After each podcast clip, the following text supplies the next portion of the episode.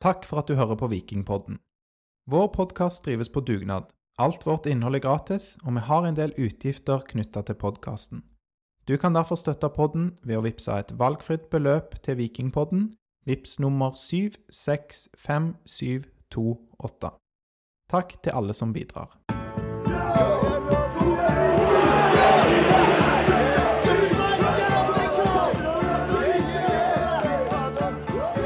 Velkommen episode 159 av Vikingpodden.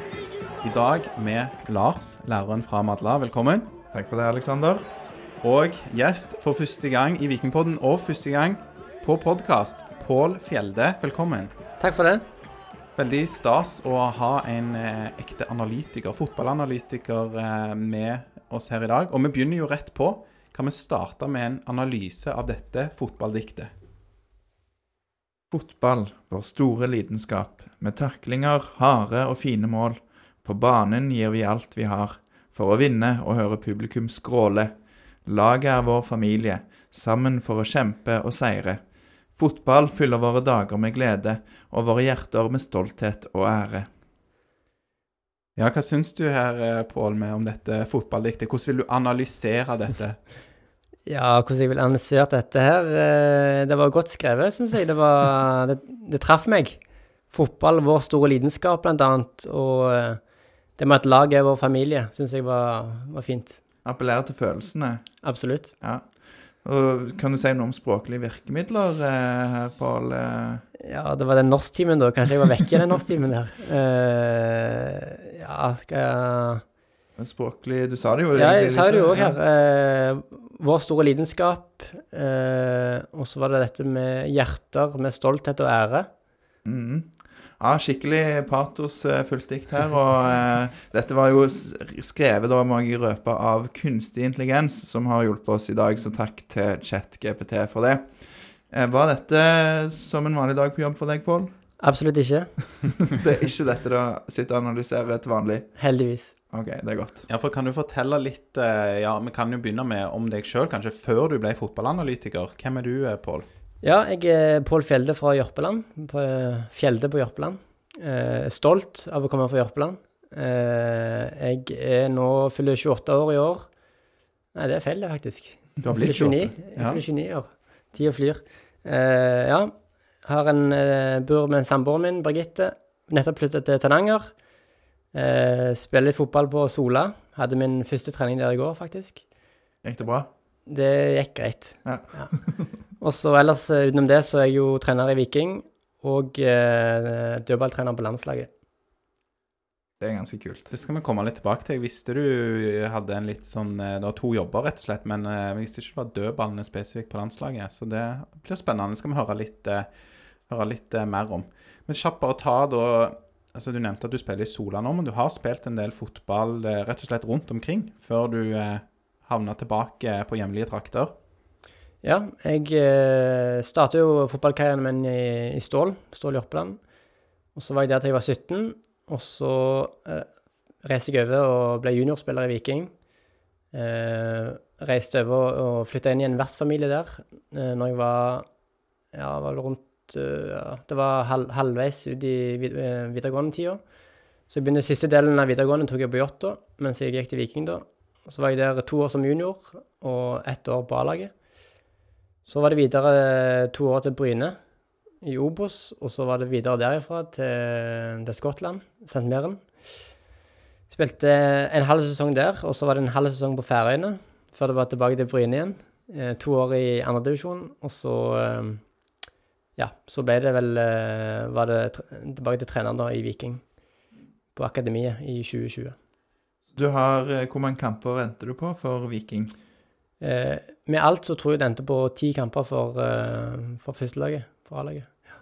Det er jo ti mer enn deg, Aleksander, i hvert fall. Så det er ganske kult. Ja, det hadde jo vært stas, det. Å ha både én og to og ti kamper for Viking. Men det, det fikk jeg aldri, så, så sånn er det. Men hvem, hvem var det du var i um, Altså, som junior, hvem var det som var junior sammen med deg? Eh, Det var jo blant annet eh, Jeg gikk jo i klasse med Veton og Kristoffer Haugen. Som junior så var det jo eh, Magnus Christensen og Vetle Tønne og, og den gjengen der. Mikael Hebnes Olsen og, og de. Og så var det jo Ja, det var den gjengen der. Det var den 94-93-gjengen der. Det er ikke noen av de som er på Jo, Viljar, forresten. Viljar og Birger, selvfølgelig. Birger Meling. Birger ja. Meling, ja. Mm. Litt av, eh, litt av hvert eh, der. eh, Er det noen sånn vi var inne på det her at du vil jo gjerne snakke mest mulig om fotballkarrieren, altså karrieren som fotballspiller, Pål, men, men hvis du skal trekke fram noen høydepunkter fra, fra tida di, hva, hva ville det vært som fotballspiller? Ja, det, jeg, jeg, jeg var heldig så jeg fikk mye ut av uh, min karriere og mine Hva skal jeg si uh, Mine forutsetninger, da. Uh, jeg var jo aldri på noe kretslag eller på noe sonelag eller noe sånt, men jeg eh, jeg ville det så utrolig mye, så jeg tror det var den indre driven da som, som tok meg til å få oppleve de tingene om å spille i Storbritannia som, som hele tida har vært min store drøm, da. Blant annet å, få spille for Viking, ikke minst, da. Det var jo eh, ja, jeg var jo eh, oppvokst med å reise og ta tauferja opp til Eiganes og så, så, se kamp, se Viking. Så det var, det var stort å få, få debuten i Eliteserien for Viking. Det har vært en drøm for meg lenge, så det var, det var stort. Det, var den, det er nok det største øyeblikket. Og vi skal gå kjapt videre øyeblikket, Alexander, men jeg må bare spørre litt, eh, siden du var i Skottland. Var det sånn som på en måte en gjerne har bilde av i hodet, med sånn tøffe taklinger og gjørmete baner og Ja, vi, vi, vi spilte jo championship, da, som er liksom nivå to, da. Så det var jo eh, det var skikkelig fysisk tøff fotball. Det var det. Var det gøy? Ja, det var fantastisk. Kjempe, jeg lærte kjempemasse. Men det er veldig bra, og vi skal snart gå inn i det som er, liksom, er det egentlige programmet. Nå prøver vi jo å liksom, eh, lage en liten eh, bakgrunn da, før vi skal snakke om det som er kategorien her, og det er jo rett og slett da, Viking og fjorårets sesong, og hvor vi er på vei inn i årets sesong. Så skal vi snakke litt om, eh, om norsk fotball, om eh, ja, Stål og eh, ja, som da er laget fra Jørpeland, der du eh, kommer fra. Og så skal vi snakke en del om analyser, ganske mange gode spørsmål, syns vi sjøl om eh, hva det vil si å være en fotballanalytiker.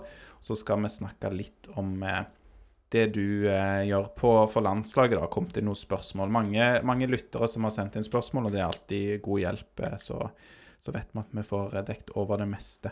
Men før vi tar de der litt sånn tøffe analysespørsmålene, så har du forberedt fem kjappe spørsmål, Lars. Ja, litt eh, Vi får se hvor kjappe det blir. Litt eh, lettbeint, i hvert fall. Begynner ganske mykt, og så eh, kan det være litt mer tenking som må til på de siste. Det første er jo da pizza eller taco. Det spørs hva pizza det er. En god pizza. Ja, det, ja, pizza kanskje, da. OK. Hva er en god pizza for deg? Det er faktisk eh, fruen min som lager en veldig god pizza. Italienske. Tynne bånd. Tynne bånd og ost.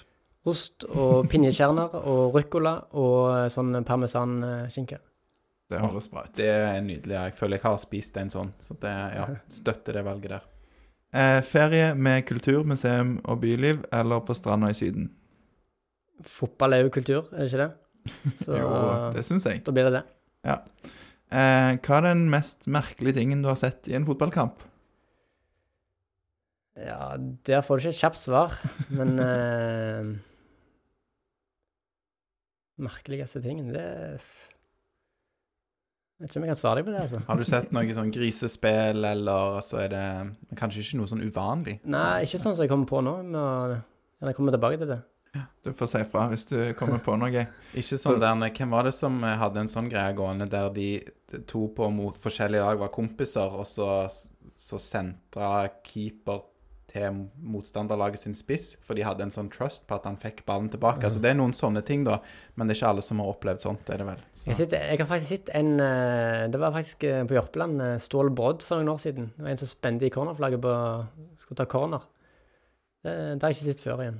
Det, traff bare cornerflagget. traff cornerflagget, Ikke ballen i det hele tatt. ikke ballen. Nei, det er jo ganske merkelig. Ja, jeg syns det er godkjent. Så. Ja, Ja. fint. Ehm, hvis du kunne valgt en superkraft til å hjelpe deg med analysearbeidet, hva ville det vært? Ja, da ville jeg hatt uh, Jeg tror jeg ville hatt uh, AirPods i alle spillerne. Ja. Så jeg kunne snakket med spillerne underveis mens jeg sitter oppe på, på taket på stadion og ser. Styrt de, rett og slett? Styrt de, rett og Ja. slett. Du, ikke en PlayStation-kontroll i tillegg, da, så kunne du liksom Det er litt sånn der eh, Jeg er veldig for at spillerne skal ha frihet. spesielt offensivt, da. Så litt uh, kommunikasjon på øret tror jeg hadde opprettholdt friheten, samtidig som de, de utførte beskjeden de fikk. Tror du det kommer? For det er ikke sånn de holder på med litt i amerikansk fotball? Det er mulig. men Jeg håper ikke at det kommer. Nei, ok. Det var litt gøy å prøve det en gang, da. Um, Ja, Det hadde det. sånne golden goal for de som husker det programmet. Litt sånn uh, aktivitet. Ja. Når vi får litt uh, mer år på baken og litt større budsjett, så får vi se hva vi kan få til. Um, hvis du kunne valgt én fotballegende å jobbe sammen med, hvem skulle det vært? Fotballegende. Ja, det må vel bli Pep, da.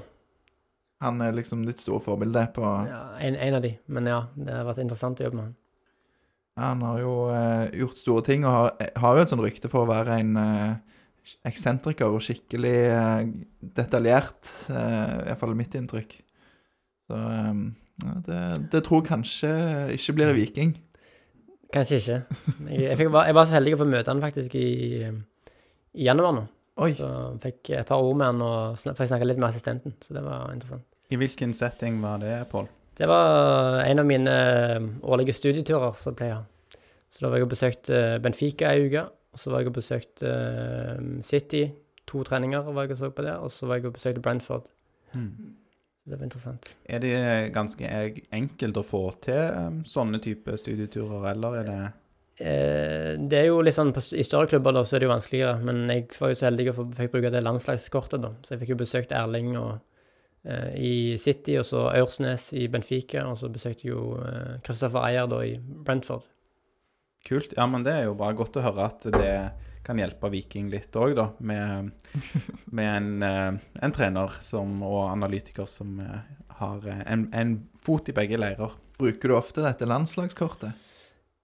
Nei, det er holdt på å si, kun når jeg eh, Ja, for sånn som det, da. Det er jo vinn-vinn for både meg og for Viking og for landslaget. Så Er det Hender det at du av og til overfor Morten og Betty bruker landslagskortet? nei, det, Hvem av dere er trener på landslaget her? Det kommer jeg aldri til å bruke. Det trenger de ikke være redde for. Nei, Det er kanskje godt å høre. Um, litt i den eh, leia der så har vi et spørsmål fra eh, Regor. Han heter Hallalist Halalist på eh, Twitter. Han spør hvem liker Pål best av Morten Jensen og Bjarte Lund Aasheim? Ja, det, det så jeg faktisk på Twitter i dag, jeg, eh, før jeg reiste her. Jeg tenkte jeg måtte inn og forberede meg litt, og da, da sa Bjarte at uh, han ikke hører på likevel, så jeg kunne bare si Morten. Men uh, nei, det det det er kjekt å jobbe med begge to, det er det. Og jeg er veldig takknemlig for den muligheten de har gitt meg til å Jeg var jo på en måte, som jeg sa tidligere, på, på akademiet, og, og de, de trengte en ressurs på analyse i starten der, og, og gitt meg masse tillit og fått lov til å feile og prøve. Og, og jeg har vokst mye på den tilliten, så jeg er veldig takknemlig til begge to for at jeg har fått muligheten, da. Så er det altså sånn Det var Bjarte som ikke hørte på Vikingpodden likevel, var det sånn? Ja, han, Han sa, han sa bare det. det, men han hører jo selvfølgelig på. Ja, det er godt å høre. For jeg regner med at både du, Pål, og Morten og Bjarte alle er veldig imponert av analysene til Vikingpodden etter kampene er slutt og sånn. Ja, de har jeg ikke hørt så mye av, men jeg har hørt eh, Jeg hører podkasten. Ja, ja, det er godt å høre. Men hvis du vil, så kan vi ta noen sånne utklipp av det som vi mener er vårt gull, liksom, fra kampanalysen og sende deg, så får du litt hjelp. Det hadde vært veldig interessant. Kanskje du kan lære oss en ting og to. Det, jeg tror kanskje heller det må være der, hvis jeg skal være helt ærlig. Du er så Alexander. ydmyk, er du, Lars. Ja. Det er bare fordi Pål er her. Du har jo allerede sagt litt og, um, om det, Pål, og vi, vi skal jo begynne å komme over eh, og snakke mer og mer om Viking nå. Eh, du sa at det å debutere for Viking kanskje var det største eh, som du har gjort som fotballspiller, da. Og det var altså da i eh, 2014, var det det? Du kom inn for Bjørn Daniel Sverrisson. Var det første gang? 19 år?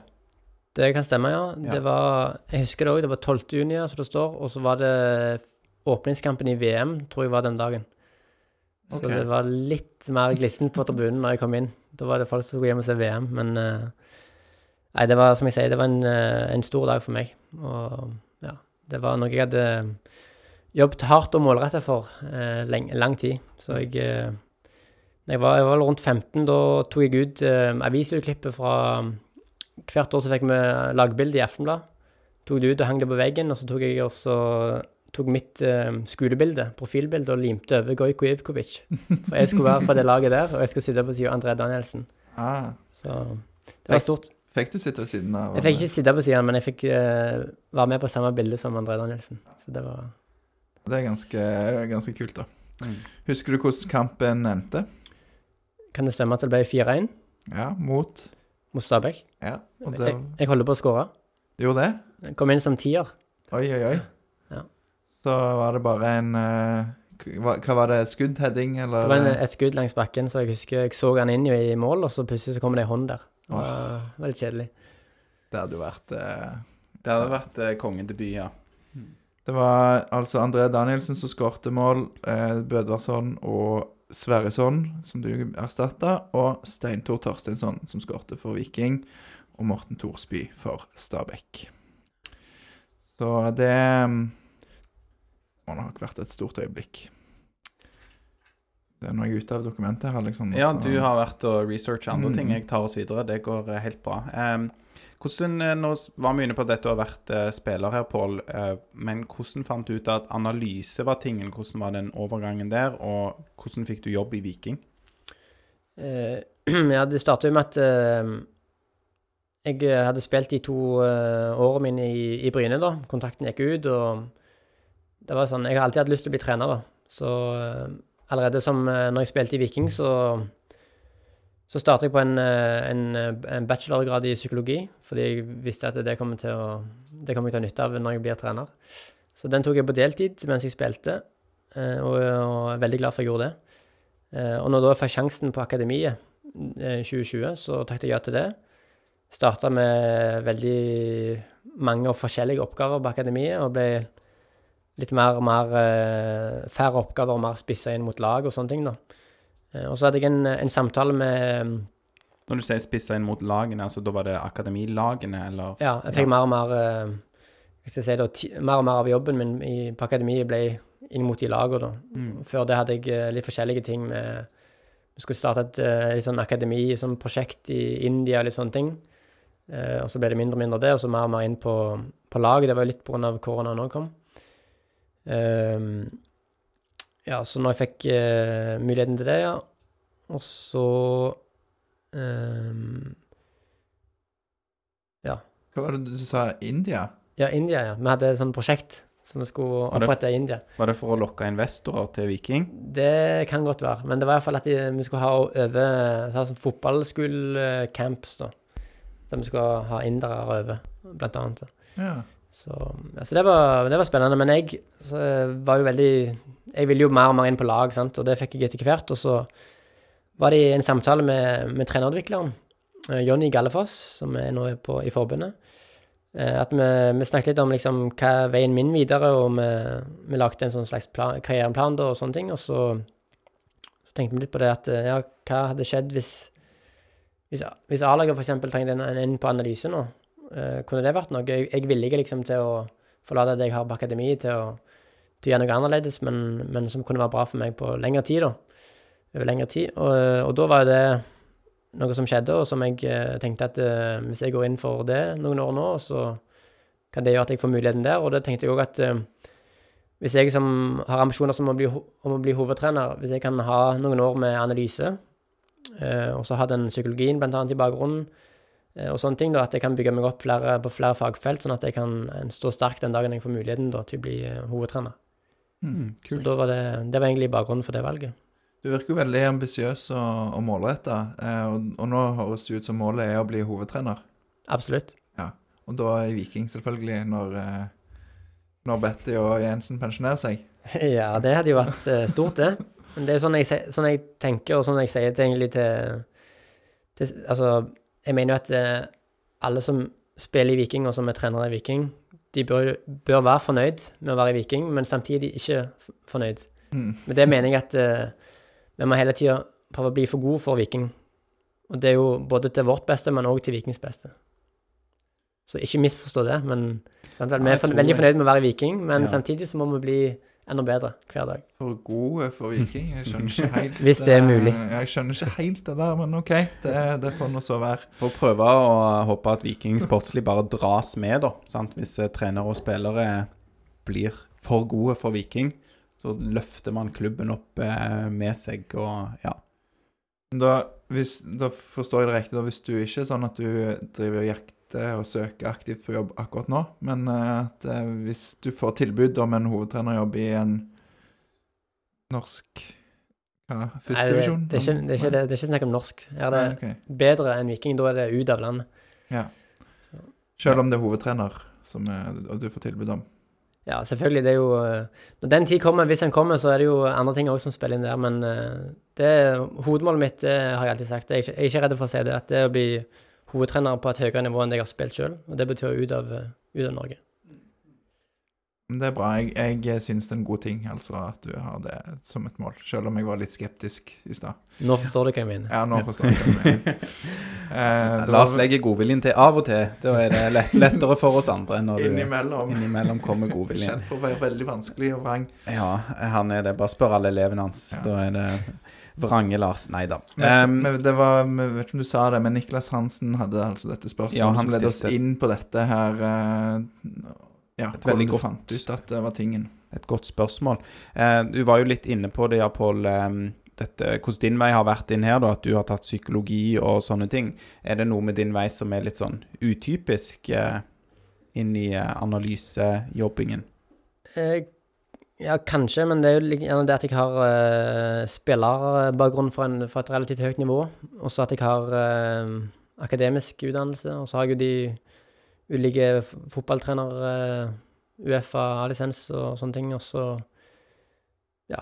Det er vel, uh, det er vel gjerne- den kombinasjonen som gjør at jeg, med den alderen jeg hadde for to-tre år siden, sto sterkt, da. Ja, skjønner.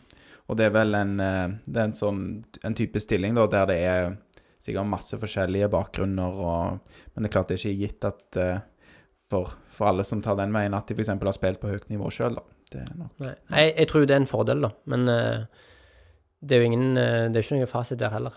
mm. Men du sier den alderen du hadde for to-tre år siden. eh, Er det sånn at i analysens verden så er du blitt en gammel mann? Eller? Nei, det var sånn som de som hører på, ikke så, da, så var det med glimt i øyet. Men eh, nei, jeg er jo relativt ung trener ennå, så Ja, for jeg satt ved siden av analysesjefen til FCSB på um, Europakampen Altså hjemme. Stoa, ja. Ja, og, Bucuresti. og han var, virka å være litt eldre enn deg, og litt hva skal jeg si, litt mer galnere enn deg. Han var oppe og ropte og hoia og skreik, så det har jeg ikke lagt merke til at du gjør, i hvert fall når jeg har sittet i nærheten av deg. Nei, det Det kan stemme. Jeg, er egentlig ganske rolig når jeg ser fotballkamper. Jeg prøver å Det høres òg helt fjernt ut for meg, men OK. Det er bra sikkert å ha en analytisk tilnærming, er det det det heter? Det det, er det heter. Du vet jo òg det, Lars, at eh, som har en, en jobb der du må være profesjonell, at av og til så kan man jo kanskje evne å være litt profesjonell, da, når man er på jobb. Av og til. Av og til. Ehm, skal vi ta spørsmålet fra Ole Egeland her? Um, han lurer på om du, Pål Fjelde, er involvert i spillerrekruttering og spillerkjøp i Viking. Har du noe å si? Jeg har noe å si, og det er egentlig at jeg er veldig lite involvert i den delen der. Så når, det er ikke sånn at du sitter og analyserer nye aktuelle signeringer? Jeg kan være med og se på aktuelle spillere, men eh, det er mest Morten og Bjarte og Nevland og, som styrer det. Henter de deg inn når de er litt i tvil, eller hvordan er det? Ja, men, nei, men det, det er jo mange eh, Det er mange spillere, sant, så det er greit å fordele litt og få second opinion og litt sånne ting på, på ulike spillere. Har du noe ansvar opp mot eh, skyggelag og sånne ting? eh? Nei, ikke så mye. Vi har, eh, hadde han eh, Ole Askeland som, eh, som jobbet en- del med det, så Ja, så Men det er som sagt Jeg er med og ser på spillere hvis det Da denne spilleren er god på det og svak på det, er det litt sånn? Ja, det er liksom Hvis det er en spiller vi, vi ser på, og så er det liksom rollekrav i den pos- posisjonen, da, så er det jo å se hvordan han passer inn i vår, vår profil, da, vår eh, DNA, vår spillestil. Har du noen Kan du si noen av de spillerne Viking har signert de siste årene, der du har vært delaktig? Um, jeg kan uh, si at uh, vi har sett på en spiller som er som uh, er det noen du føler du ikke kan si? Ja, jeg, jeg, jeg har sett på noen, ja. Jeg kan, jeg kan ikke si hvem ennå. Nei, OK. Det er kanskje noen som kommer. Kan være. Kan være. OK, spennende. Bra. Mm. Håper det Det, er bra. han, er, han er flink. Ja, ok. Spennende. Så hvis vi skrur av mikrofonene, så kanskje, Ja. kanskje det kommer etter hvert. Så spør vi deg, Pål, og så kommer det en lekkasje fra Vikingpodden etter hvert, så det er godt. Eh, det var, og eh, bare én ting før, før du går videre der, Pål. Eh, nei, nå søren, nå glapp det for meg, Aleksander. Ja, men Du da tar vi spørsmålet fra Philip Wosterbotnen. Vosterbotnen. Det er litt eh, Ja, handler ikke så mye om å hente spillere utenfra. Det er de man har sjøl i eget akademi. Og spørsmålet om trenerne der Philip lurer på hvem mener Pål er den dyktigste akademitreneren i Viking? Ja, godt spørsmål, Philip. Eh, Jeg har jo trent Philip. Det her er jo en, er jo en spiller på akademiet. Eh, hvis jeg ikke sier Marius Kloster, så kommer han jo til å Ja. Jeg var jo assistenten til Marius Kloster. Så nei, det er Jeg er stolt av å ha Norges beste akademi, så jeg eh, Det er mange flinke trenere, så jeg har ikke noe jeg, klar, jeg klarer ikke å si én. Men jeg jobbet med Marius. Jeg var assistenten til Marius på Ja. G15 for noen år siden, og det var, det var kjekt. Det sier jo litt hvis du var assistent, tenker jeg. Det sier jo litt om han. Da må han være flinkest. Ja. Ja, fin konklusjon fra deg, eh, Lars. Et eh, helt, eh, i hvert fall for meg, fjernt spørsmål fra Arnt Christian Finstad, men kanskje det er mer logisk for deg, Pål. Det er Ligger soveposen din fortsatt klar til bruk på stadion? Ja, selvsagt gjør han det. Er det at du jobber så mye? Ja, han har jo vært brukt et par ganger, det han. Ja. Av, Hvorfor? av deg? Ja. Fordi du har rett og slett stått og jobba til du Ja, altså På det tidspunktet så jobbet jeg Nei, så, så bodde jeg på Jørpeland, så da var det jo enkelt. Da var det bare til å hive, ta ut soveposten, og så var det opp og legge seg på sofaen oppe. Ja. Det er jo greit. Um, men, men det er jo Jeg føler jo det ligger litt i spørsmålet her òg, at, uh, at det som jeg òg har et inntrykk av, at du jobber Bruker mye tid på jobben din. Og uh, ja, vi har jo hatt eh, et par ganger der vi har prøvd å finne dato, og så har vi, har vi ikke funnet tid. Men nå fant vi tid. Hvor mye vil du si du jobber i en vanlig uke, hvis det fins noe som heter vanlig uke for det. Ja, Godt spørsmål. Det var jo han Far min mente jo at jeg måtte regne på det, for det var Han mente det var det var umulig. Så nei da, det, det er mye. Jeg vet ikke tallet på det, men det er jo på en måte, det er jo ikke på en måte heller ikke jobben min, da. Det er jo på en måte min passion og min lidenskap. Så det er liksom Jeg tror hvis det hadde vært jobben min, på en måte, så tror jeg jeg hadde vært utbrent for lenge siden. Men uh, på grunn av at det er liksom Det er det kjekkeste jeg vet, så er det Så går det. Så får du tid til å spille fotball òg, rett og slett. Ja, det er jo de timene der jeg ikke jobber, da, så får får trent litt òg. Men du har jo samboer, sier du. Ja, ja. Det Vi har funnet en fin løsning for det, heldigvis. Så Nei, men det er istedenfor Jeg er opptatt av å holde meg i form, så istedenfor å springe på, på mølla nede i, i styrke, styrkerommet, så er det kjekt å kunne bidra litt med sola. Mm. Men, men hva Nå spurte jeg om hva en vanlig uke, hvis det finnes, da. Men hva Hva gjør du i en vanlig uke? Ja.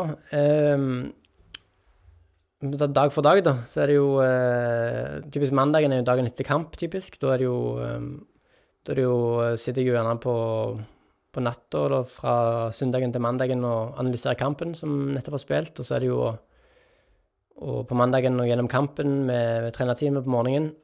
og så er det jo um, vi med på ca. fem-seks minutter til spillerne med video som Morten og Bjarte og vi presenterer for spillerne i garderoben. Og så er det jo økta eh, med de gjerne som ikke har spilt så mye og sånn, som, eh, som er på mandagen. Og så etter det så er det jo opp igjen på kontoret og så ja, gå gjennom eh, dypere i kampen med ulike faser og gjerne ulike kameravinkler og sånne ting. Og så er det jo eh, Tirsdagen er jo som regel eh, har vi vanligvis hatt eh, fri. Da er det jo noen som vil inn og trene litt, så jeg stiller jeg der. Og da begynner jo allerede jobben med å, planlegge og analysere neste motstander. Den har gjerne begynt før kampen vi spilte òg, før forrige kamp. Eh, og så er det planlegging litt av, av resten av uka i forhold til økter og sånne ting. Hva vi skal jobbe med. Hva er det Ut ifra vår spillestil, hva er det vi trenger å jobbe med? Hva er det hva motstander møter med? Eh, formasjon, sånne ting. Da er du med Morten og Bjarte og diskuterer dette. Vi, vi, gjør, vi gjør veldig mye sammen, da. Så det er sånn alt fra planlegging av økter, eh, analyse og sånne ting. Det, vi gjør ting sammen. Så er det Ja. Så, så det er gjerne jeg som setter de sammen til å bli video, videoklipp og sånne ting, da. Og så er det onsdagen, da. Da er det jo eh, Da vi er fullt gang inn med å forberede kampen eh, på feltet. Det er gjerne individuelle klipp fra kampen vi spilte sist. Én til én. Det kan være gruppe, gruppemøter med lagdeler, f.eks. Um, og så er det jo ja, samme torsdagen, egentlig. Og så er det jo uh, fredagen, da, som er egentlig vi vanligvis har brukt siste treninga før kamp. Vi har hatt, vanligvis hatt fri lørdagen. Da er det jo uh, Ja. Da er det videomøte motstanderlaget. Uh, vi forbereder òg videoklipp og sånn, sånn referanseklipp og sånne ting før øktene, så vi kan vise til spillerne at dette jobber vi med i dag. Um, ja, så er det egentlig lørdagen. Det er vel egentlig den roligste dagen, da, tror jeg. Som er litt sånn uh, Ja, det, da prøver jeg å holde meg vekke fra stadion. Da blir det pizza. da kan det bli pizza. Er det sånn eh, da, for spillerne, når du viser de klipp og sånne ting, er det veldig individuelt hvordan de tar imot dette? Hvor interessert de egentlig er? det noen som bare har lyst til å spille fotball? Ja, det vil jeg si det. Og så er det Vi prøver liksom å ha Når vi viser noe i garderoben, så prøver vi at uh, det her skal være noe som alle kan Så er viktig for alle, liksom. Uh, og så hvis det er mer individuelle klipp, så kan vi ta det én til én, uh, enten med, ja, med den ene eller den andre, da. Mm. Og da er noen veldig sånn stiller mange oppfølgingsspørsmål og sånn, mens andre er ja, det mer kan, sånn det kan høflige, nesten. Ja, det kan være, men vi prøver òg å på en måte involvere spillerne, sånn at de får et eierforhold til, til situasjonene. Da. Så for eksempel hvis du har en, eh, en venstreback som er litt for brei, for eksempel, og du bør, bør spille på innsida, eh, så kan du bare vise klippet, så sier han svaret sjøl. Det er jo det beste. Eh, Eller så prøve å oppfylle Altså spør litt sånn ledende spørsmål, da, så du får, uh, får det svaret du vil ha. Og så er det jo situasjoner der uh, spilleren Du kan vise et klipp, og så viser spilleren hvor han egentlig ville vært, og så er det ikke det svaret du vil ha. Og det er ikke det som er prinsippet vårt, f.eks., og så må du prøve å forklare, og sånn at du går ut av rommet med Ja, bra, men uh, Nei. uh, nei, men jeg husker vi hadde Shane Patinama her i, som gjest i poden, og da spurte vi han litt sånn For han sa han hadde brukt masse tid eh, i analysearbeidet for å bli bedre defensivt.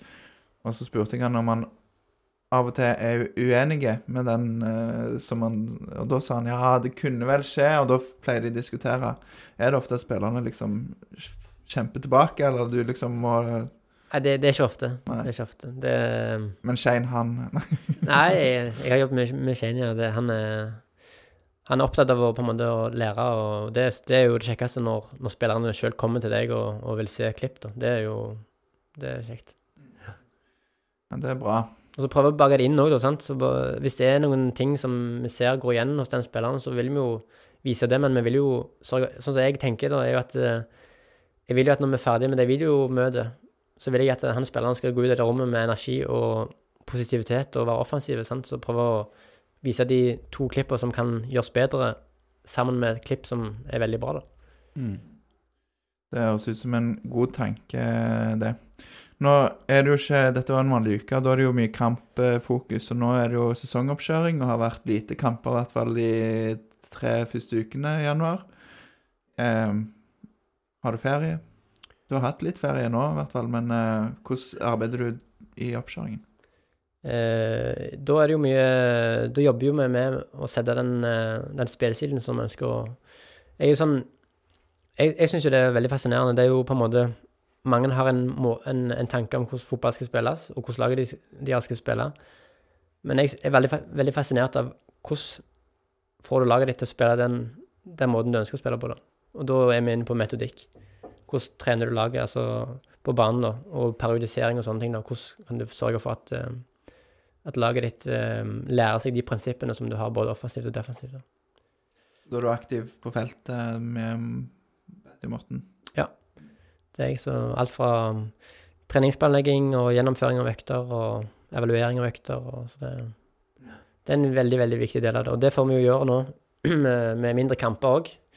Eh, samtidig så vi prøver også selvfølgelig i oppkjøringen at vi har eh, At vi får dekka det fysiske behovet òg. Men eh, jeg er veldig opptatt av at det ikke skal være eh, separert, fysisk og taktisk, enn at det skal være eh, At det skal jobbes med samtidig, da. Hvordan gjør du det? For eksempel, jeg mener at Jeg mener at du, du trenger ikke springe uten ball, for eksempel. Du kan springe mens du spiller, og samtidig lære deg hvordan du ønsker å for eksempel forsvare deg, da. Uh, uten at du trenger å, å dele det opp, da. For du, altså, når du skal forsvare deg, så springer du uansett. Så kan du ikke bare, heller bare gjøre det med f.eks. Eh, eh, over lengre tid, f.eks., som gjør at du legger ned mer meter. Eh, kan du gjøre det raskere, på en måte? Altså tre, fire, fem baller eh, hurtig etter hverandre. Så mener jeg det er bedre enn å, enn å springe uten ball. Veldig sånn Det enkelt høres jo forklart. da. logisk ut, syns jeg. Altså sånn Du vil jo bli bedre i fotball, du vil ikke bli bedre løper, på en måte. Det var det en som sa det at eh, hvis du skal lære å eh, spille piano, så springer du ikke rundt pianoet. Hvorfor skal vi springe rundt fotballbanen, da? Godt poeng. godt poeng. Skal vi bevege oss inn i eh, Det har kommet noen spørsmål om sesongen i fjor, Pål. Nå var vi jo litt inne på, på oppkjøring, og vi glir litt over tilbake i 2023 etter hvert. Men hvis vi tar spørsmål fra Knut Ry Larsen Ja, eh, fra et analytisk perspektiv, hva var hovedgrunnen bak Vikings kollaps i fjor? Og da må du se vekk fra spillersalg, sier Knut. Ja. Eh, min sånn tanke er jo at vi ikke fikk nok ut av de spillerne vi hadde. Og det var jo eh, Det var jo for eksempel litt sånn der at eh, med for eksempel da Veton, så i presspillet vårt så var jo han eh, effektiv. Eh, og la ned en del meter der, og, og flink til å presse. Og det Du har på en måte ikke Det finnes ikke mange av Veton sin evne til å presse i Eliteserien. Så da kanskje vi eksempel da kunne endre, endre litt måten vi presser på. Det var et, sånn, et, et eksempel på det, da. På hvordan vi kunne fått mer ut av, av den troppen vi hadde. Så det var nummer én for meg, det var egentlig det. Uh, vi burde fått mer ut av de, de spillerne vi hadde. Det tror jeg, tror jeg er et sånt inntrykk som mange har, men ehm, det er jo ikke så lett. Mener du at det ikke ble eh, justert nok på måten systemet virker på, da? At det liksom Ja, på en måte. Vi har jo snakket litt om, eller mye om det på, på kontoret òg og sånn, og, og det var nok eh, Det er jo flere ting, selvfølgelig, men eh, jeg tror det er en stor ting, iallfall. Egil Elling Ellingsen lurer på hvordan forrige sesongs fall ble synlig eh, på data, eller eventuelt altså, ting dere analyserer, da. Type løp spillerne mindre, eller lignende. Ja, nå er det ikke jeg som sitter på sånn, eh, de fysiske tallene og sånn, men uh, vi så vel at uh, antall høyhastighetsmeter og, og sprintmeter ble, ble mindre.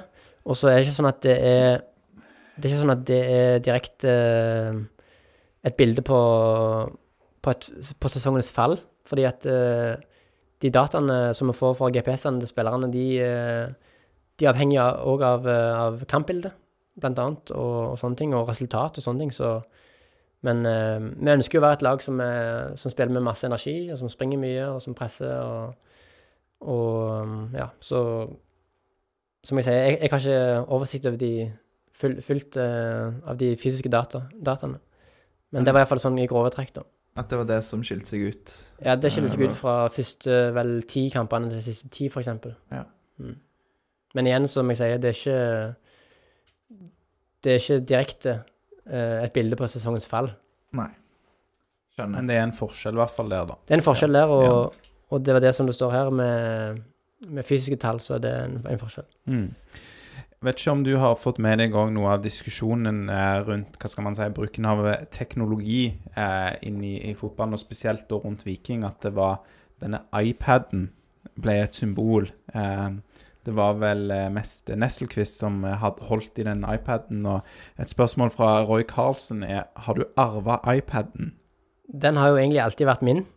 Den er Så den, ja. det, det, eller Viking sin, da, men den hadde jeg eh, hadde jeg fra, fra Viking, fra akademiet og opp til Så den eh, Men det som folk må, må huske på her, det, det er fascinerende. Jeg syns det er fantastisk at folk engasjerer seg. Men eh, det er viktig å tenke på at den iPaden den var jo med oss i, i bronse òg i, i 2021.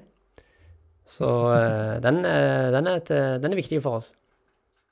Men kanskje det at den ble litt mer synlig, at motstanderne òg så det? Nei, jeg vet ikke. hva... Det, jo, eh, det blir jo et symbol, i hvert fall. Eh, ikke sant? Man leter etter et eller annet å ta tak i, så ja. Men du sitter stort sett med en datamaskin og trykker inn tall, eller trykker inn Ja, jeg, sitter med en PC oppe på, litt oppe på stadion, så jeg har bedre oversikt. Og så har vi en, en sånn, kam- sånn eliteseriedeal, da, så alle el- eliteseriearenaene har det kameraet. Sånn at eh, når vi kommer på bortekamper òg, så kan jeg koble til det. Og da sitter jeg og tagger og, og på en måte tagger ulike faser av spillet. Og så blir de klippene direkte sendt ned til den iPaden, da.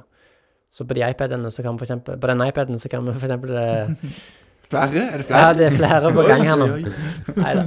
Men uh, på den iPaden så kan vi f.eks. Uh, trykke på um, høyt press, og så får vi alle klippene som vi har på høyt press. da. Så kan vi se på om det er ting vi vil endre litt på der, eller noe som ikke fungerer, eller Men, men når vi snakker om denne teknologien da, eh, og de mulighetene, så hvordan ser du på det forholdet mellom analytisk eh, tilnærming, altså den teknologiske, og bruke disse hjelpemidlene, versus treneren sine subjektive vurderinger? Eh, med den erfaringen du har nå, føler du at teknologien kan komme til litt eh, kort, at det kan bli for mye teknologi, at man mer må bare lytte til treneren sin magefølelse? Absolutt. Jeg er, jeg er veldig opptatt av at eh, treneren på en måte har de avgjørende øynene, og at det ikke Det, det er viktig å ikke stole blindt på teknologi og på tall. Men ja, det syns jeg er veldig viktig. Mm. Det var vel trukket fram som eh, en av liksom Bjarne Berntsen sine store at han brukte mye magefølelse, da. Så eh, På godt og vondt, tror jeg. eh. jeg skulle hatt kamera på deg nå, Pål. Jeg følte du smilte litt når vi sa det. Nei, men det er jo ja. Ja. Bjarne har jo opplevd mye og, og gjort, gjort det veldig godt. Og jeg, jeg jobbet jo ikke med Bjarne, men ja, det er jo Jeg vet ikke om han hadde brukt iPad, men eh, det er jo, det er jo heller, det her heller er det jo ingen fasit, sant. Så, Mm. men hvis vi Det er sånn, det er jeg veldig opptatt av, da, at hvis vi mener at den iPaden kan hjelpe oss 2% så mener jeg det er 100 verdt det. Det, det er såpass små marginer i det vi holder på med, at eh, vi må jakte hver eneste prosent. Mm. Så, ja.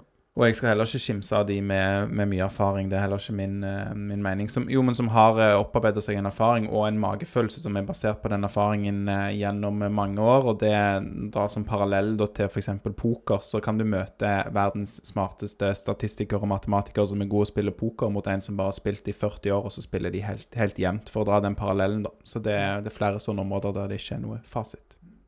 det er fint du ikke skimser av det. Du skimser nok til av andre ting. Det kan jo skje, da. Eh, Et litt annet spørsmål. eh, Hvilke spillertyper mangler i dagens vikinglag, Pål? ja. Ehm, min personlige mening er fart. Gjennombruddskraft. Uh, Gjennombruddshissighet. Eh, spillere som har fart, og som ønsker å, gå i bakrom. Mm. Har, det har ikke kommet inn det nå? Litt. Litt? Ja. ja. Er det, var det liksom noe av det dere hadde som et Ja, da tenker du på han eh, Agostino? Agostino. Ja, ja, absolutt. Der har du, der har du en som liker å gå i, ba i bakrom. Og han har, er ganske rask, inntrykk òg. Ja, Ja. det er han. Så Så det, det kan jo Det høres jo bra ut at du har fått inn eh, det, du, det du etterlyser som har mangla, så, eh, så det er bra. Eh, og vi kan ta, ta zoome litt ut for eh, analytisk, eh, fra et analytisk ståsted. Hva er Vikings fremste styrker og svakheter? Hva type motstandere passer dagens vikinglag? Uh, Ja, det kommer jo litt an på flere ting, da, men uh, Vikings fremste styrker uh, Vi har jo tidligere vært veldig glad i åpne kamper, da. At vi har, vi har individer som kan avgjøre kamper. Vi har uh, kommet til å se i år et, et godt vikinglag defensivt. Det jobber vi med allerede nå. Uh, og så er det jo kollektivet, da. Det er jo både altså, kollektivet viking som, uh, som er styrken. Absolutt.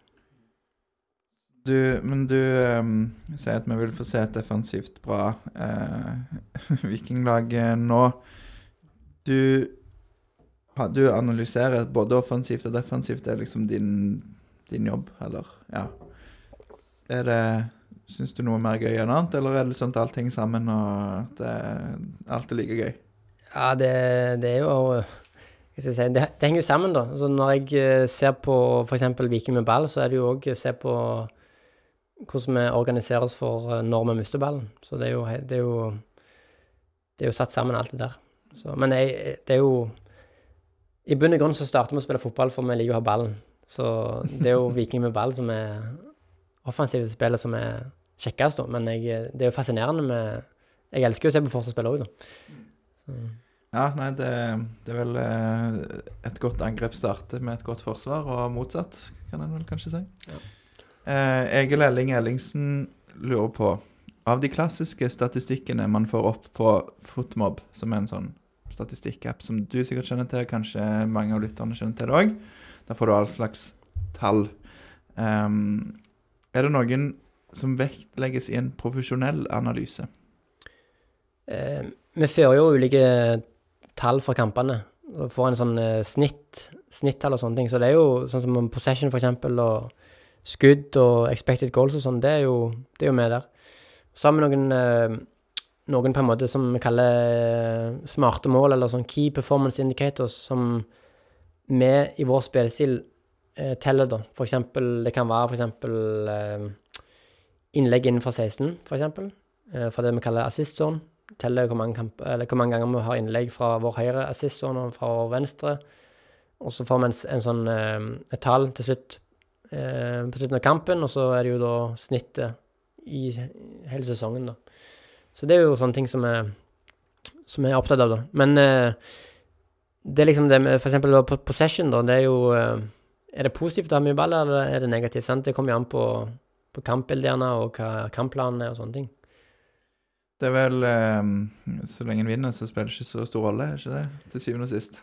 Ja, på en måte, men eh, jeg er veldig opptatt av prestasjon, da. Så, men det handler jo om å vinne, det er jeg klar over. Du, Det er godt å høre. Du du går ikke rundt og er liksom skyhøye, for Viking kom faktisk på tredjeplass på XG-tabellen eh, i fjor, så det er ikke liksom den du først og fremst ser på. Nei, det er ikke det. Og det, det er liksom det vinner vi òg. Sånn, det, det er jo selvfølgelig kjekt, det, men prøve å se bak hvorfor vi vinner, eller hvorfor vi taper. Det er jo på en måte Det er det vi kan gjøre noe med. Resultatet kan du gjøre noe med, men du må ha en god prestasjon for å vinne. Så Du nevner Nå husker jeg ikke hva ord du brukte. Nøkkel... Nei, key key performance indicator. Ja. Um, innlegg fra Sist Zone. uh, og hva andre Ja, det er jo, eh, det er sånn generelle Sånn i bakrom, for eksempel, kommer det først uh, Hvis en vikingspiller mottar ballen i bakrom, så teller vi, teller vi det. Altså det samme defensivt, da. Hvor mange ganger kommer motstanderlaget inn i vårt mellomrom? Hvor mange ganger kommer de bak oss, eksempel? Sånn. Og så er det jo skudd på mål, for og mot.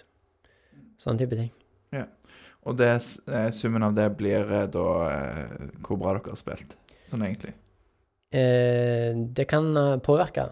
Ja. Det er ikke alltid heller det liksom Det er òg igjen litt med, litt med kampplanen. Mm.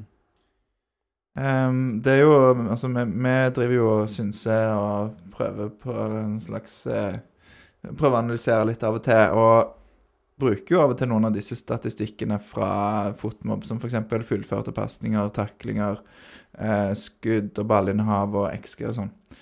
Eh, hva vil du si er den mest utbredte eller mest misforståtte eller misbrukte statistikken eh, som, av hvermannsen? Ja, det er et godt spørsmål, men vi var litt inne, med, inne på possession. Da.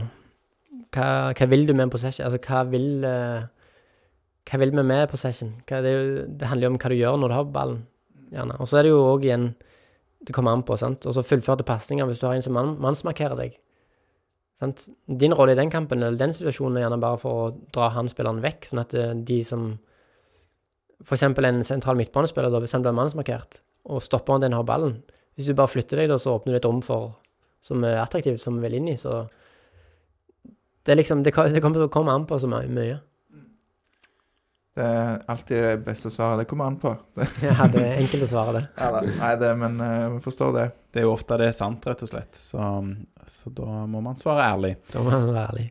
Eh, Du har svart på ett eller to av spørsmålene til Øyvind Karlsås allerede, men eh, eh, Ja, og det gikk jo på analyse, da, men han har òg et spørsmål som ikke går på analyse. Eh, Øyvind Karlsås lurer på Husker Pål forresten når han ba om nytt bilde på Ståltun fordi det står ei colaflaske foran han? Er dette noe som ringer en bjelle Ja, det, det gjør det. Jeg har fått tilsendt dette bildet, så, eller disse bildene, faktisk. Så jeg har, Har det? eh, Jeg, jeg har bevis på at det har skjedd. OK. Mm. Ja, det, det videoen. Ja, det får vi bruke som litt promo til ja, episoden. det må jeg få se. Mm. Det var noen år siden, da. Ja, det var noen år siden. Jeg kan finne det hvis du Ja, vil svare på spørsmål imens. Ja, nei, det, det stemmer nok det, ja. Det var Jeg har jo vært veldig bevisst fra jeg var ganske ung da, til at uh, å være et godt forbilde. Og jeg ville gjøre alt i min makt uh, for å nettopp få for, spille for Viking. Så det betydde jo at uh, hvis uh, jeg, eh, jeg ja, drikker drakk ikke brus og spiser ikke snop og Jeg har ikke spist smågodt siden eh, jeg var ti år, tror jeg. Så Det er sterkt. Ja. det starta med at jeg, eh, hvis jeg holdt meg for snop, så skulle jeg få um, 50 kroner i uka, den klassiske. Og så var det jo etter hvert at eh, Nei, nå, nå får du ikke mer penger. Nå kan jeg da få det utstyret du trenger. Så da var det jo å få fotballsko og sånne ting. da. Det var jo perfekt. Og hvis det samtidig kunne hjelpe meg noen, noen prosent, igjen noen prosent, til å bli eh, vikingspiller, så var det verdt det. Håper ikke du da fikk disse fotballsko og utstyr ukentlig. Det hørtes litt råflott ut. Det var ikke ukentlig, nei. Det, det hadde blitt dyrt. Men Ja. da var det rett og slett sånn du ville ikke ha flasker foran deg, altså fordi at du drakk faktisk ikke brus, og du ønska ikke heller at det skulle se sånn ut. Ja, jeg ville ikke bli identifisert med det, fordi jeg ville være et godt forbilde. Så du, dette var en slags sånn der eh, Hva heter det, foreshadowing til det som skjedde. Var det i VM nå, eller når var det EM sist? Når Hvem var det som ikke ville stille opp med brus? Ja, det husker jeg faktisk. Var ikke det. Ronaldo? Ronaldo, ja. Ja. ja. Cristiano Ronaldo han var noen år etterpå deg, så gjorde han det samme og ville ikke ha brus på pressekonferansen. Ja. Han har nok sett uh, det bildet fra Ståltun uh, der. ja, det må jo være det. Og så mener jeg det var en eller annen spiller fra Serbia eller noe sånt som gjerne ville ha fulgt opp av Han, han tøysa med det, da, så han ville ha fulgt opp av cola og øl foran seg på en pressekonferanse. Men jeg tror det var mest, eh, mest på spøk. Ja, men vi vet jo alle at dette egentlig handler om at du hadde en sånn sponsordeal med Farris eller noe. Ja, der, der har du fant den der, du, ja. Ja. Ja, men gøy. Vi får finne fram de bildene og legge det på noen sosiale medier hvis eh, det er greit for Pål og de som har tatt bildene. Det får vi se på. Hvis, hvis eh, du ser dette på YouTube, så har du kanskje allerede sett det, til og med. Ja. Eh, Ole Egeland lurer på om du har noen forbilder. Det har du vært litt inne på. Eh, forbilder innenfor fagfeltet, og hva du gjør for å utvikle deg. Jeg vet ikke om du har noe mer å legge til der. Du sa Pep, blant annet. Ja, jeg liker jo å, å reise og liker godt å lese. Eh, se fotball. Det, ja. Det er det. Har du et boktips til Uff. Akkurat nå leser jeg en veldig god bok som heter uh, eh, Intensity av Pepijn Leinders, assistenttrener i Liverpool. Ja. Den kan jeg anbefale. Intensity. Ja. Ja. mm. Det er Alexander tipper jeg at det er mest aktuell av oss for å ta tak i den eh, boka. ja, kanskje Tror du den finnes på lydbok? Er det vanskelig å høre på lydbok? Kanskje litt? Ja, det er sikkert mulig å få til det. Ja. Ja. Hvis vi har betalt nok, kan du komme og lese. Jeg kan lese for deg. ja. Lese det inn. Det er godt. Um, hva kamper er de mest krevende å analysere? Kamper med mye mål og mye som skjer, eller kjedelige 0-0-kamper? Og da er jo sikkert ikke det kjedelig for deg, men for oss andre. Ja, det er nok mer eh, de åpne kampene med mye mål og mye som skjer. Jeg tror de Ofte så er det jo de 0-0-kampene som er litt sånn låste. Um, men eh, ja. Det er nok eh, det, er nok det ja. Så mest krevende når det skjer mye, og ja. ja. Jeg vil si det. Sånn som Molde borte, eksempel, i fjor. Molde borte, det husker jeg veldig godt. Det var Ja, det var mye som skjedde da. Vi fikk gjort litt i pausen og sånn der, som eh, Men nei, det var Det var et kjekt resultat og en kjekk eh, prestasjon. Hvor brukte du mye lengre tid på den enn på mange andre kamper, siden det skjedde såpass mye? Nei, jeg, jeg tagger jo kampene underveis, sånn at etter kampen så har jeg på en måte ferdig på en måte tagga kampen, da. Men så ser jeg jo kampen igjen eh, to ganger etterpå. En gang med, med TV-bildene og en gang med sånn huddle-kamera, så du får med alle 20 spillerne til enhver tid. Alle 20 utespillerne til enhver tid. Så ja. Det er jo Igjen, da, så det, igjen så kommer det an på. fordi at eh, en kamp med mye mål, hvis det, sånn som den kampen begge veier, så er det litt mer krevende enn om det er en kamp med mye mål den ene veien. da. Mm. Og du har sagt det noen ganger at du tagger kampen. Kan du bare forklare hva det egentlig vil si? Ja, da sitter jeg og trykker på en måte som jeg ser med fasene, da. Ja. Eh, sånn at når jeg trykker på en knapp, så Du merker på en måte merkelapp. Ja, Ja. så blir det en sånn eh, En eh, Et videoklipp fram til jeg trykker på en annen knapp. da er det Du på en måte aktiverer og deaktiverer en, en, en sånn instance, kalles det. Så i løpet av en eh, Du trykker vel rundt eh, ja, over 1000 ganger, da, på en måte. Og så hvert trykk blir et klipp. Og så har du innstillinger på, uh, i forkant som gjør at du velger hvor lenge det klippet skal vare når du trykker. F.eks. hvis du trykker nå, så tar det fem sekunder før du trykker, og fem sekunder etter, f.eks. Eller så har du en knapp som uh, Nå er det veldig dypt her, men hvis du trykker, og så varer den det trykket Det varer helt til du trykker en annen knapp, f.eks.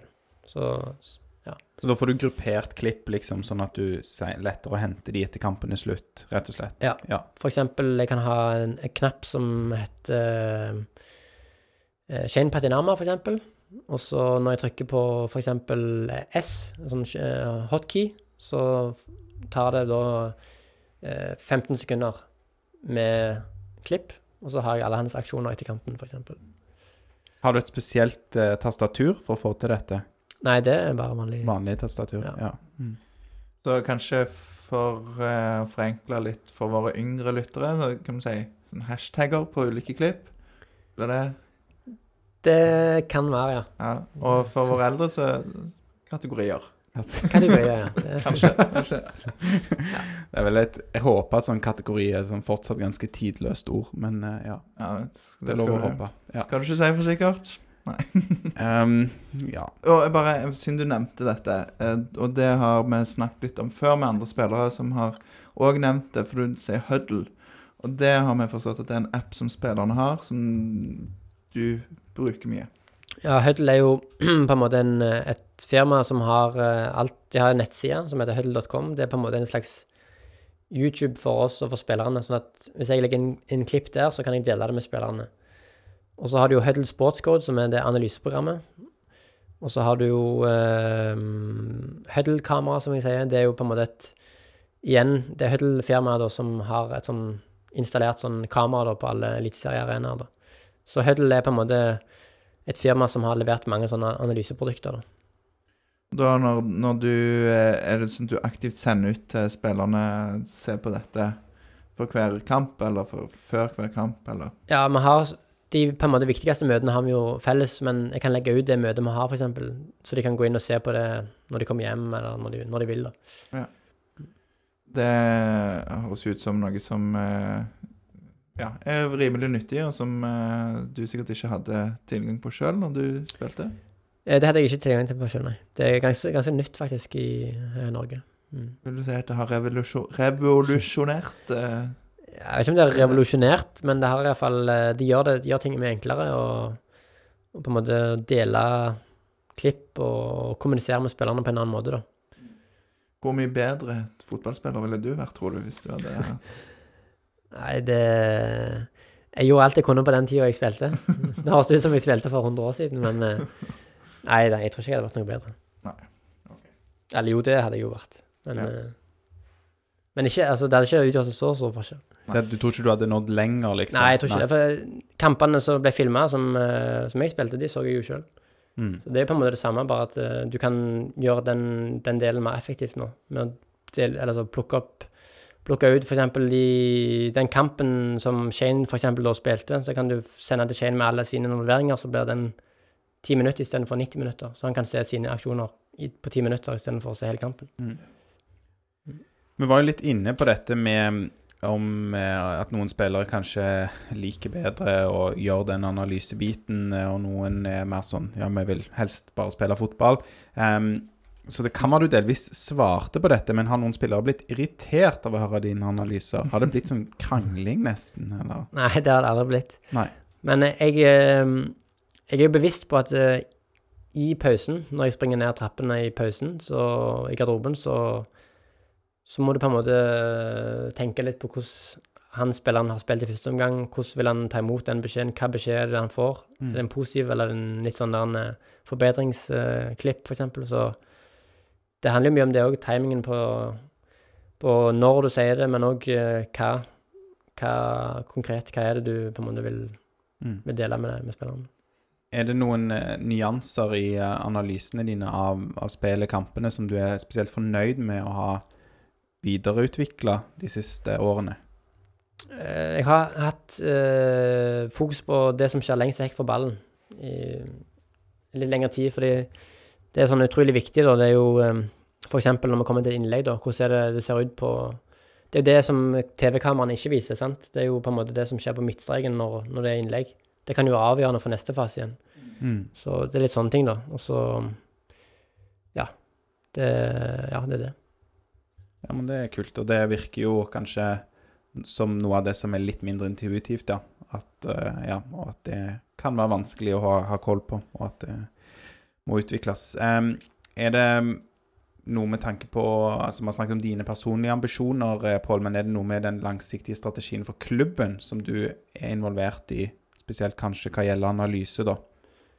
Ja, nå har vi egentlig ut ifra de der eh, spørreundersøkelsene som vi har fått sendt fra, fra Huddle, så er vi faktisk ja, Ja, skal ikke jeg eh, Men vi er ganske langt framme i Eliteserien på analyseverktøy i Viking. Vi har vel de fleste av de Huddle-programmene som de har eh, Som de har, egentlig. Så Men eh, det går alltid an til å bli bedre. Så vi, vi har jo installert annet sånn overvåkningskamera overvåkingskamera bak målene, for vi vil ha vi vil ha flere kameraer som kan settes sammen i analysen, som kan se på en situasjon fra ulike vinkler. Ehm, og så har jo Jeg måtte jo jeg måtte jo teste, teste med hvordan jeg fungerte med denne dronen òg, så det kjøpte jeg jo, og så flyttet litt med den. Så den har vi fått brukt godt i Spania. Det er òg en annen måte på en måte for, for spillerne å få se eh, situasjonene fra en annen perspektiv, fra en annen vinkel. da. Så det Litt sånn rett og slett som å spille fotballspill på dataen slutten av 80-tallet, tidlig 90-tallet, liksom. Bare ser noen prikker som springer rundt. Det blir det sånn? Ja, det blir eh, du, Med den dronen så har du jo på en måte Det er jo bare et kamera. Så du kan fly på en måte over, over spillet. Men det blir, blir det ganske høyt og rett fugleperspektiv rett ovenfra? Prøver liksom å være såpass eh, langt nede at du får med At du ser hva spillere så Så du, flyr, du styrer den ganske med høy presisjon inn mellom og Jeg prøver bare å sette den opp og la den stå der. Ja, okay. Det er litt sånn, litt sånn travelt når jeg setter den opp, og så går batteriet. Så, og så når jeg med i i tillegg, sant? så må jeg eh, ut av banen og så senke den dronen, og så nytt batteri, og så opp igjen. Men eh, nei, du får veldig gode bilder, så det er ganske nyttig, det. Så det eh, høres for meg ut som det er en ganske sånn eh, dynamisk tilnærming, da man er villig til å prøve nye ting, teste verktøy, teknologi. Um, ja. Men, ehm, men på, på strategi til å tenke sånn med ressurssetting og sånne ting, da er dere jo, da ble det gjort noen justeringer nå før eh, jul i Kanskje det ikke påvirker deg og det du gjør så veldig, da, men, eh, men dere er på en måte bemanna på en sånn måte som dere ønsker nå for de neste sesongene. Ja, det, det er sånn så, så klubben selvfølgelig må svare på, men eh, det er jo sånn med Vi har jo på en måte så mye muligheter med de eh, programmene og sånne ting vi har, da, at eh, jo vi kunne jo ha ansatt flere andre og, og så bygd ut den avdelingen òg, men, eh, men eh, akkurat til det vi bruker eh, Den jobben vi gjør nå, på en måte, og det vi bruker de verktøyene vi har nå, da, det, det klarer vi å gjøre sånn som vi er nå. Mm. tenker med dette med dronen og sånn, det er jo eh, veldig stilig. Men det ville jo òg avslørt hvis det var noen som var møkk lei av deg og analysene dine, så er jo det et mål å prøve å ta den ned. Men det har gått fint til nå. er ingen som har uh, klart det ennå. Nei, det er godt, godt å høre. Det har vi vel uh, hørt fra Norges land og sånn, at det er vanskelig å skyte ned disse dronene. Det er okay. det som er i nyhetene når de er og spionerer ute i Nordsjøen og sånn. De klarer aldri å ta de. Så nei, Det er godt å vite. det er litt skummelt. Akkurat likt. Akkurat det samme. Em, ja, kanskje ikke alle som eh, tar parallellene. Da får dere se mer på Kveldsnytt og sånn. Eh, uansett, em, Les på internett. les litt mer på internett, nyheter og sånn. Hva, hva tror du, Pål, er den viktigste utfordringen for fotballanalytikere i dag? Eh, ja, det er jo på en måte å forstå spillet, da. Det er jo, du finner jo analytikere som sitter og, og tagger, som jeg sier. sant? Bare klikker på, på hvem som har ballen, f.eks., og tagger alle spillerne og sånn. Men det er, viktig, det er viktig at du kjenner til hva du skal analysere, tenker jeg. Det er jo at du du har noe du kan evaluere. Du har en plan, sant, og så skal vi se om vi får til den planen, og så evaluere det underveis i kampen. Hva er det vi får til, hva er det vi ikke får til? Er det noen andre ting som er utenfor den planen som skjer, f.eks., så må du være klar til å justere det òg. ja, så det er jo det. Eh, ja, forståelsen av spillet og forståelsen av hva, hva laget prøver å få til, da. Mm. Det er interessant å høre, da. Jeg kan jo også si at jeg, eh, jeg syns det er positivt å høre at det er liksom kloke fotballhoder som sitter og gjør disse tingene, og som òg skjønner, som du er inne på, da, hva man faktisk skal, skal bruke det til. For det vet jeg òg at det er en, en fare i mange private bedrifter som analyserer helt andre ting da enn fotball. At man samler inn så sykt mye data. Eh, det er jo noe som heter stordata eller big data. Du har så mye data, men du klarer ikke å bruke det til noe som helst. Så det høres ut som dere lykkes med, da, å få brukt det til noe. Og det å- høres jo òg ut som du må ha en viss eh, digital kompetanse for å drive med det. Ja, det Jeg var jo ikke noen sånn eh, rakettforsker innenfor eh, teknologi, jeg, noe, men jeg eh, Igjen da så fant jeg ut at eh, jeg ville jo Når jeg gikk inn for å bli jobba med analyse, så tenkte jeg at eh, hvordan kan jeg bli best mulig på det, da? Da var det jo på en måte å ut av, ut av komfortsonen, på en måte, å søke Snakke med folk og finne ut av ting. Spør. Det, Mm. det er sant, altså. Drar du nytte av det utenfor fotballen òg, eller er det stort sett der du sitter med data, og resten er du ute og springer eller spiser pizza? Og... nei. Mye snakk om den pizzaen her det. Eh, nei, eh, nei, det er ikke så mye annet. Altså, jeg, eh, jeg bruker ikke PC-en til så mye annet enn fotball. Nei. Så det er ikke sånn at hvis noen av dine kompiser skal gifte seg eller et eller annet, så blir du spurt om å lage en, en video? Nei, det er ikke vits å spørre om det. Det har jeg ikke tid til heller. Så. Du kan sitte og tagge klippene, men noen andre må ta seg av redigeringen. Um, har du noen råd til folk som hører på og blir tent av eh, analysebasillen og har lyst til å jobbe i fotballbransjen? Ja, noen råd det må jo være å se mye fotball og lage dine egne oppgaver og på en måte besvare de. Og, og så er det det med å, å presentere dem, da, på en måte. Det er jo Du har en, en kamp som varer 90 minutter pluss, og så skal du på en måte korte det ned og ta ut det viktigste derifra. Og hvordan kan du på en måte visuelt og alt det her gjøre det enkelt for spillerne å forstå hva du ønsker å, å få fram, da. Eh, så det òg er jo mange ulike måter å gjøre det på. Men jeg tror, jeg tror det er viktig å, å på en måte Men igjen så handler det om hvordan du ønsker Hvordan vil du evaluere kampen, med, med bakgrunn i hva du jobbet med før kampen og sånne ting, så. Men det med å, å, um, å presentere det til spillerne er jo en viktig del, da, for det på en måte Det jo, bør jo være skarpt. Det bør jo være uh, presist, det, det du prøver å formidle der. Det høres jo ut òg eh, som sant, din eh, Altså din målrettethet og evne til å ta, søke ny kunnskap. da, sant? Du har studert eh, Hva det var du hadde studert igjen? Psykologi. Psykologi. Og med fotballbakgrunn og tatt Uefa prolisens og hele veien snakke med folk for å bli bedre og sånn. Det er jo, regner jeg med, òg en stor, stor del av det. Lese Ja. bøker og Ja, absolutt. Det er jo Ja. Det er jo på en måte Du må gjøre det beste du kan. Altså, du må, du må gjøre Altså, hvis du vil lære, så må du jo gjøre det Hvis du vil det nok, så, så må du gjøre det som kreves. Hvis Alt. du må reise til Hvis du må bruke ferien din til å reise til Reise til Lisboa for du vil inn på en skole der, f.eks., som jeg òg har gjort, så må du gjøre det. Så det handler om hva du, hva du vil, og hvis ingen, andre, kan- hvis ingen andre kan stoppe deg, kan du ikke bare gjøre det, da. Mm. Sant. Og eh, ja, alle disse prosentene som du har snakket Ja, ja. om. Sant? Det er de prosentene igjen. Alt som kan gjøre deg eh, noen prosent bedre. Eh, og da er jo denne podkasten selvfølgelig en god plass å starte. Og så den boka. Og så kanskje vi baller det ja, på seg. mener at unge fotballanalytikere som vil lykkes i, uh, i fotballen, de bør høre på den episoden av Vikingpodden, Lars? Var det det du prøvde å si? Tenker det er en god plass å starte. Ja. Eh, og så kan de ta det videre derfra. Ja, det var godt sagt. Eh, dette hjelper kanskje ikke de eh, Nei, nå har du svart på veldig mange Vi har svart på mange grundige spørsmål, syns i hvert fall jeg. Gitt mange gode svar på, og nå eh, blir det litt, litt mer lettbeint en periode her, så det er jo kanskje greit. Ja, for vi har fått et spørsmål fra en som heter David Froli Stangeland. Han lurer på hvem er, hvem er den beste naboen. Det så jeg jo på, på Twitter, og så tenkte jeg at ok, når han spør om det, så skal jeg svare han. Men så skrev han jo, svarte jo på sin egen tweet, gjorde han ikke det? Stemmer det? Han ble skuffa hvis det ikke ble Jan Barka. Så da får det bli Jan Barka, da. Ja. Hva gjør han til en god nabo? Det er han nærmeste naboen. Han er jo med og hjelper i, eh, i Stål. Så han, eh, når jeg var der òg med som, spiller som spillende trener, så, så har han full kontroll på utstyr og alt sånne ting. Så han er en god mann. Men han, eh, David er heller ikke så verst. Ja, det er bra. Det, dette regner jo da med David òg er nabo, da. Ja, Og Leopold-supporter, så det hjelper veldig. OK. Ja. OK. Nei. Eh, en annen som du eh, kjenner til, er jo Torleif eh, Lilleby. Han vet ikke om han er indignert eller skuffa eller lei seg, men han lurer på hvorfor han ikke hilser, altså du, Pål, ikke hilser når du blir passert i bilen på motorveien og har tunnelblikk framover. Husk å ha godt sidesyn, sidesyn sier han. Ja, det, jeg har sikkert hørt på en veldig god podkast, da. Så da, da, da er jeg fokusert og ser fram. Mm. Ja, det, det er bra. Men jeg, jeg må beklage det, Torleif, da.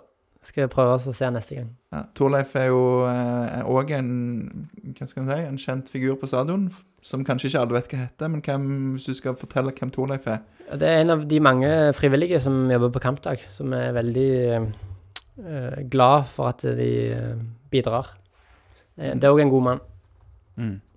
Eh, Kikk ned på eh, benkeområdet etter kamp, f.eks., så står ofte Torleif eh, der og annet prøver å holde folk vekke fra, mener jeg. Ja, Forhindre at folk går inn i presse eller i, ned i garderobene der. Mener jeg i hvert fall har sett. Hvis det var feil, Torleif, så får du tilgi meg, men eh, ja. Yes. Han hørte sikkert på den episoden med Thomas Pereira, Pål, når han ikke hørt, eh, hilste på Torleif. Vikingpodden sin episode med Thomas Ja, jeg vil jo tro det. Ja. Har du hørt Thomas Pereira i Vikingpodden Det noen gang? Pål? tror jeg ikke jeg har. Nei. Kan, uh, det, var, på den på Jeg hører på den på vei hjem. det var en, eh, en eh, shameless pitch fra Lars på at folk skal høre på Thomas Pereira-episoden til Vikingpodden. Masse gode episoder i arkivet. Eh, vi skal ta et par spørsmål om liksom, litt andre steder i norsk fotball og landslaget før vi slipper deg her, eh, Pål. For nå har du snart eh, stått en god fotballdistanse, 90 minutter, i podkast. Så det er noen få spørsmål igjen. Eh, Johannes eh, Tveitnes, som for øvrig sier om seg selv at han er Norges nummer én, og han som lager liv på stålkampene og med i Viking frivillig. Eh, kjenner du du Johannes, eh, Pål? Ja, han kjenner jeg godt, vet du. Det er- det er òg en god mann. Mange, mange gode her som har sendt inn. har bidratt. Ja, det setter vi veldig pris på. Eh, han har et par spørsmål til deg. Han spør annet eh, Hvilken Stål Jørpeland-spiller vil du ha til Viking, Pål? Eh, ja, vi kunne jo tatt Even, da. Even Østensen? Even Østensen. Han hadde klart seg godt i Viking nå òg, han. Mm. Det hadde jeg takka ja til, i hvert fall. Jeg, eh, mm, jeg har sagt det mange ganger i poden før, så det var godt å høre at du òg eh, mener det. Det var, var en vi skulle hatt med videre når han eh, gikk tilbake til Stål etter sin eh, foreløpig første periode i Viking. Har du hørt den episoden, av Vikingpodden, Pål? Var, var ikke det når han snakket om jakt og sånne greier? det var et eller annet. Ja, ja. Ja, at han uh, gikk på jakt et eller annet, og så at han eh, Jeg tror jeg har hørt den, ja. ja det kan stemme, det. Ja. Den kan òg folk høre. Han fikk dårlig samvittighet for han reiste på jakt, tror jeg. Stemmer, ja. Lars, eh, du er bra på å promotere våre egne episoder i dag. Det var uvanlig god innsats. Hvis ingen andre gjør det, så må jo jeg. Ja, det, det er din jobb. Men spørsmål to til deg, Pål, fra eh, Johannes, er hva synes du om Morten Bjørlo til Rosenborg, og greier du å få han til Viking om noen år? Morten er min eh, barndomskompis, holdt på å si. Han eh, Jeg syns først og fremst det var veldig kjekt for hans del at han fikk eh, muligheten Og vi, På Jørpeland så er vi veldig stolt over alle som får ting til, og som eh, når sine målsetninger og sånn, så jeg er veldig glad på hans vegne. Så var det jo på en måte dumt at, den, at det ble Rosenborg. Eh, og så står det 'Greier du å få han til Viking om noen år?' Det gjenstår jo å se. Det Først må han prestere på Rosenborg, og så får vi se. Det høres bra ut. Eh, siste spørsmål fra Johannes. Hvilken nåværende eller tidligere Stål-spiller tror du kommer på landslaget? Nåværende eller tidligere? Eh, ja, det er vanskelig å si. Er det Morten Bjørlo som er nærmest? Tror han er nærmest. Ja. Tror jeg. Det var det jeg eh, mistenkte, men jeg har ikke så god oversikt over Stål-spillere som deg, så det er Han lov å si Han kan jo ta dødballer òg, han forresten, så det er jo Det passer jo fint. Tar du den inn og Ja. Ja. Det høres bra ut. Mm. Apropos, Apropos landslaget, ja.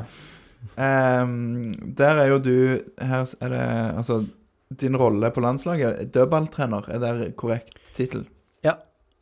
Da er det jobba detaljert med hva Viking skal gjøre Nei, Vikinger. Norge skal gjøre på eh, offensive og defensive dødballer. Ja, det, for det meste offensivt.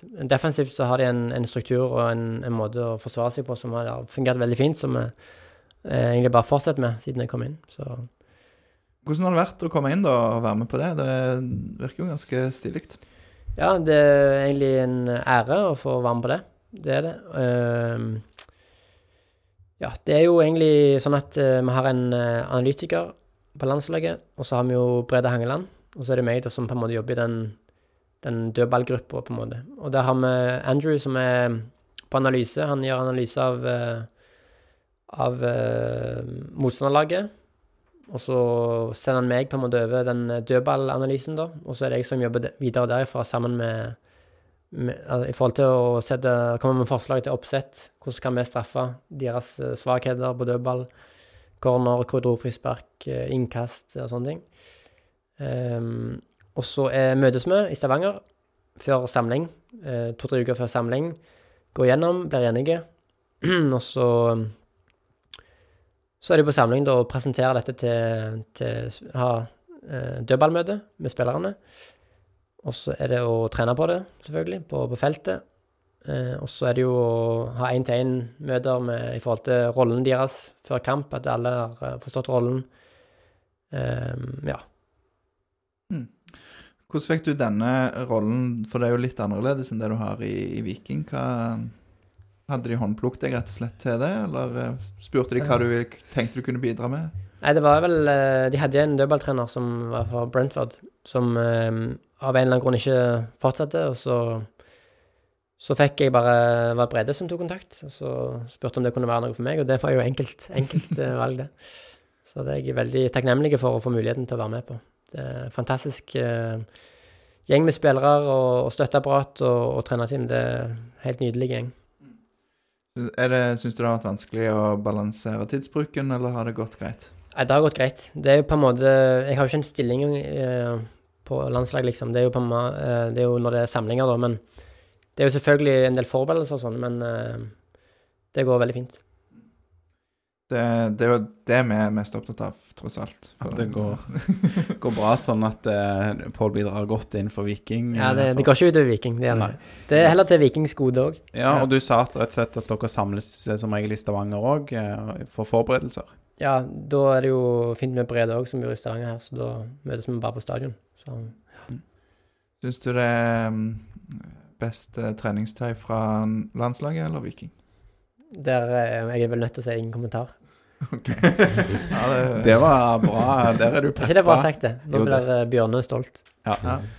Det, jeg syns det ligger mye, mye i, et, en god ingen kommentar. Så, Ja, eh, Mm. ja, når det treffer sånn, så, så kan ja. alle folk lese det de vil ut av det. Det er Ja. jo det som er så, det som er så gøy. Um, Kan jeg bare spørre Er det da sånn at du er dødballtrener på landslaget, og så på, på Viking så Altså, jeg ville jo kalt deg liksom analysesjef eller noe sånt, men jeg mener jeg har hørt at du blir omtalt som assistenttrener òg, så begge deler, er det riktig? Eller? Ja, det er jo det. det er jo, jeg er jo an, eh, assistenttrener med analyseansvar, på en måte. Mm. Så, men jeg var nok mer når jeg, eh, Helt i starten så var jeg nok mer en sånn analyseansvarlig, men nå er jeg jo assistenttrener med analyseansvar. Mm. um, vi går veldig mot eh, slutten her. Jeg må bare spørre et par sånne som jeg av og til spør eh, Altså har spurt flere gjester, da. Et av de er hvis du kunne investert Hvis du fikk eh, La oss si du fikk 50 millioner du kunne bruke på å investere i Viking. Hva ville du brukt de på? Er det et analyserom, eller eh, Hvis jeg fikk så mye penger, så hadde jeg nok begynt en annen plass, men eh, det hadde jo vært fint, det. Vi- får ganske fin garderobe nå, faktisk. Med, de holder på å bygge nede med analyserom og sånne ting, så det blir, eh, det blir bra, det. Hvordan ville du brukt de pengene for eh, best for Viking? Uh, ja, jeg vil nå i hvert fall uh, spytte en del penger inn i akademiet. Og uh, spytte en del penger i scouting. Um, ja, og så er det jo mer sånn Det er jo litt sånn inn på teknologien, da, med flere kameraer, eksempel. Um, og sånne ting som optimaliserer an analysejobben. Um, hvor mye penger har vi igjen da? Eh, cirka Jeg vet ikke. eh, 42 millioner igjen. Nei, Oi, da, men det var, nei, det var Nei da, men det Ja. Det, jeg har i hvert fall tro på at liksom, Jeg har tro på at akademiveien er en, en lur vei å gå. Der har du, har du det, Eirik, når eh, Pål blir eh, kjøpt av eh, en stor, europeisk storklubb for 50 millioner. Vet du hva pengene skal gå til. Om noen år. Um, og til slutt, tror jeg, hvis ikke du har noe etterpå, Aleksander Nei, jeg er klar for ett til kontrollspørsmål fra Lars. Ja. Ja. Uh, hvis du hadde hatt en podkast der Pål Fjelde var gjest, hva ville du spurt Pål Fjelde om? Uh, jeg hadde nok uh, gått inn på metodikk, tror jeg. Jeg syns det er spennende. Ok, Så eh, treningsmetodikk, eller? Ja. Ja. Det var ikke det var vanskelig å lage spørsmål av det, men, uh, det er jo veldig dypt, det, da, vet du, men uh, men det får bli en ny episode en annen gang. det får bli en uh, Men har du et relativt kort tips til noe innenfor treningsmetodikk, Pål? kort tips innenfor trening Ja, tren som du ønsker å spille. Det er mitt, det er mitt Mm. tips. Og innenfor der så kunne vi hatt en podkast på to nye timer som Men det er liksom Det er min filosofi, da. Mm. Men da får vi ta i januar 2024, så har vi en to timer lang podkast om eh, treningsmetodikk med Pål Fjelde. Høres det bra ut? Ett Ja, år? det, det ett år, ja. Det, det går bra. Ja, da er det ett år, på, ett år på å forberede den episoden. Så ja. Godt å høre. Da, nå er vi sikkert over en fotballkamp i lengde, vil jeg tro. ja helt i grenseland nå. Um, um, ja. Får vi se om det blir litt eh, ekstraomganger med litt sånn at du lærer oss litt sånn Viser oss kanskje noe, jeg vet ikke. Men eh, du skal i hvert fall få signere en, en drakt som vi har. Um, og vi må 1 time og 27 har den eh, gått opptaket nå, lurer jeg på. Eller kanskje litt kortere òg, så jeg tror vi er innenfor. Ja. Sprøtt. Er det noe vi må si til slutt, Mm. Aleksander eller Pål? Nei, takk for at jeg fikk komme. Det var veldig hyggelig. Jeg- Tida flyr jo. Det går, gikk fort, dette her. Det er kjekt å snakke fotball.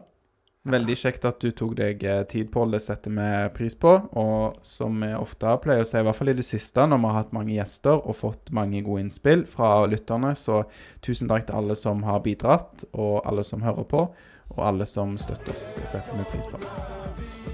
Kan vi avslutte da, rett og slett med å si én, to, tre? Heia Viking! Viking!